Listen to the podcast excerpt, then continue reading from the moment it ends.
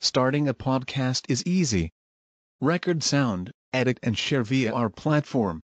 Anchor is the easiest way to create podcasts, Spotify's offering to you. Distribute your podcasts to the most popular listening platforms, including Spotify, Apple Podcasts, Google Podcasts, and more, with just one tap. Download the free app to start your podcast with the versatile platform from Anchor. Thank you.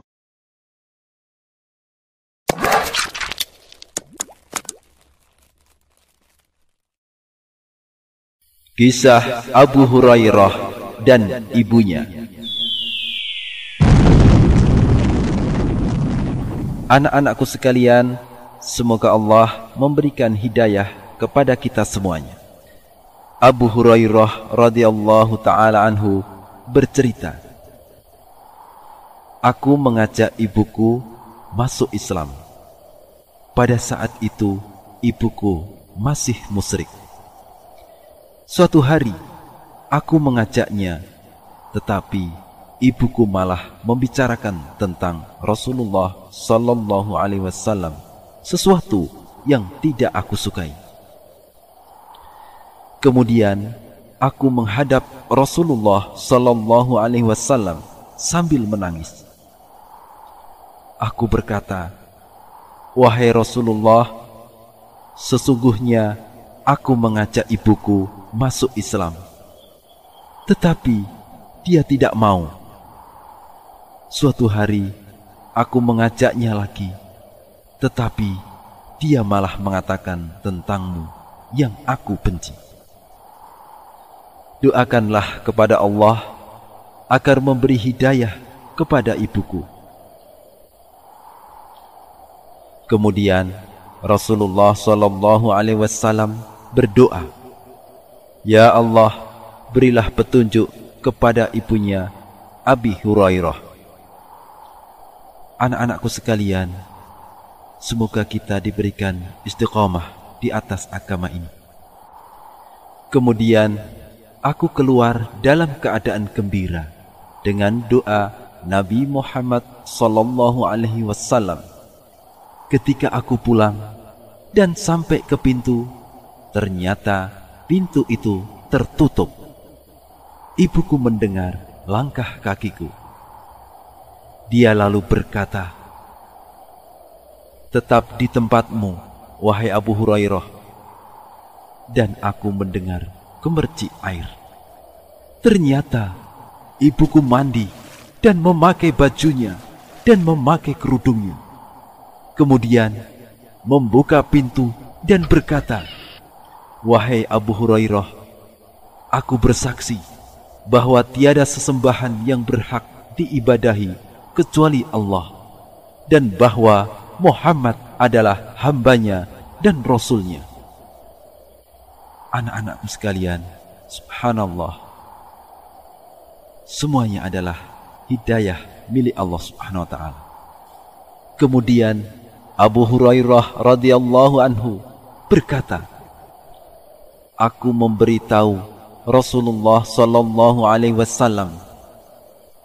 Wahai Rasulullah doakanlah bagiku dan ibuku. Kemudian Rasulullah sallallahu alaihi wasallam berdoa Ya Allah hambamu Abu Hurairah dan ibunya jadikanlah keduanya dicintai manusia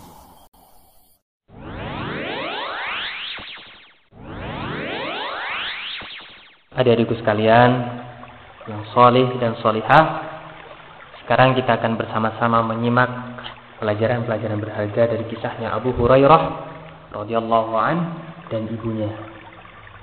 Bagaimana faidah-faidah yang ada di dalam kisahnya Abu Hurairah dan ibunya? Yang pertama adik-adikku sekalian di dalam kisah ini kita dianjurkan untuk mendakwahi keluarga kita dari keluarga yang terdekat Bagaimana Abu Hurairah? Abu Hurairah mendakwahi ibunya. Dan ibunya adalah keluarga yang paling dekat dengan Abu Hurairah radhiyallahu anhu. Maka kita dianjurkan untuk mendakwahi keluarga-keluarga kita yang terdekat. Kemudian yang berikutnya dan yang berikutnya. Yang selanjutnya, faedah yang kedua di sekalian, kita juga dianjurkan untuk mendoakan kebaikan bagi orang lain, terutama kedua orang tua kita, yakni bapak dan ibu kita, abi dan umi, adik-adikku sekalian. Jadi kita dianjurkan untuk mendoakan mereka dengan doa-doa kebaikan. Yang berikutnya, faedah yang ketiga, kita dianjurkan untuk meminta nasihat dan bimbingan kepada orang-orang yang berilmu. Kita meminta nasihat, meminta bimbingan kepada orang yang berilmu. Empat, adik-adikku sekalian, doa seorang nabi itu akan sangat berpengaruh terhadap terkabulnya doa tersebut. Sebagaimana doa Nabi Muhammad SAW alaihi wasallam kepada ibunya Abu Hurairah agar ibunya Abu Hurairah mendapatkan hidayah kepada Islam. Maka ibunya Abu Hurairah pun masuk kepada Islam.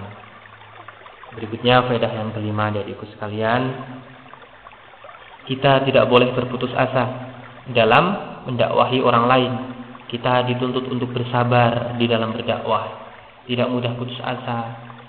Tapi kita harus bersabar. Karena suatu saat nanti pasti akan membuahkan hasil. Kemudian, kaidah yang keenam, adik-adik juga harus tahu bahwa hidayah itu hanyalah milik Allah yang akan diberikan kepada siapa saja yang Allah kehendaki. Jadi kita tidak berkuasa untuk memberikan hidayah kepada orang lain. Tetapi yang memberikan hidayah adalah Allah Subhanahu wa taala.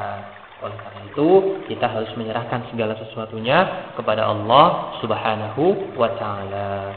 Kemudian adik-adik juga harus senantiasa mendoakan kebaikan untuk kedua orang tua adik-adik sekalian, yakni abi dan umi.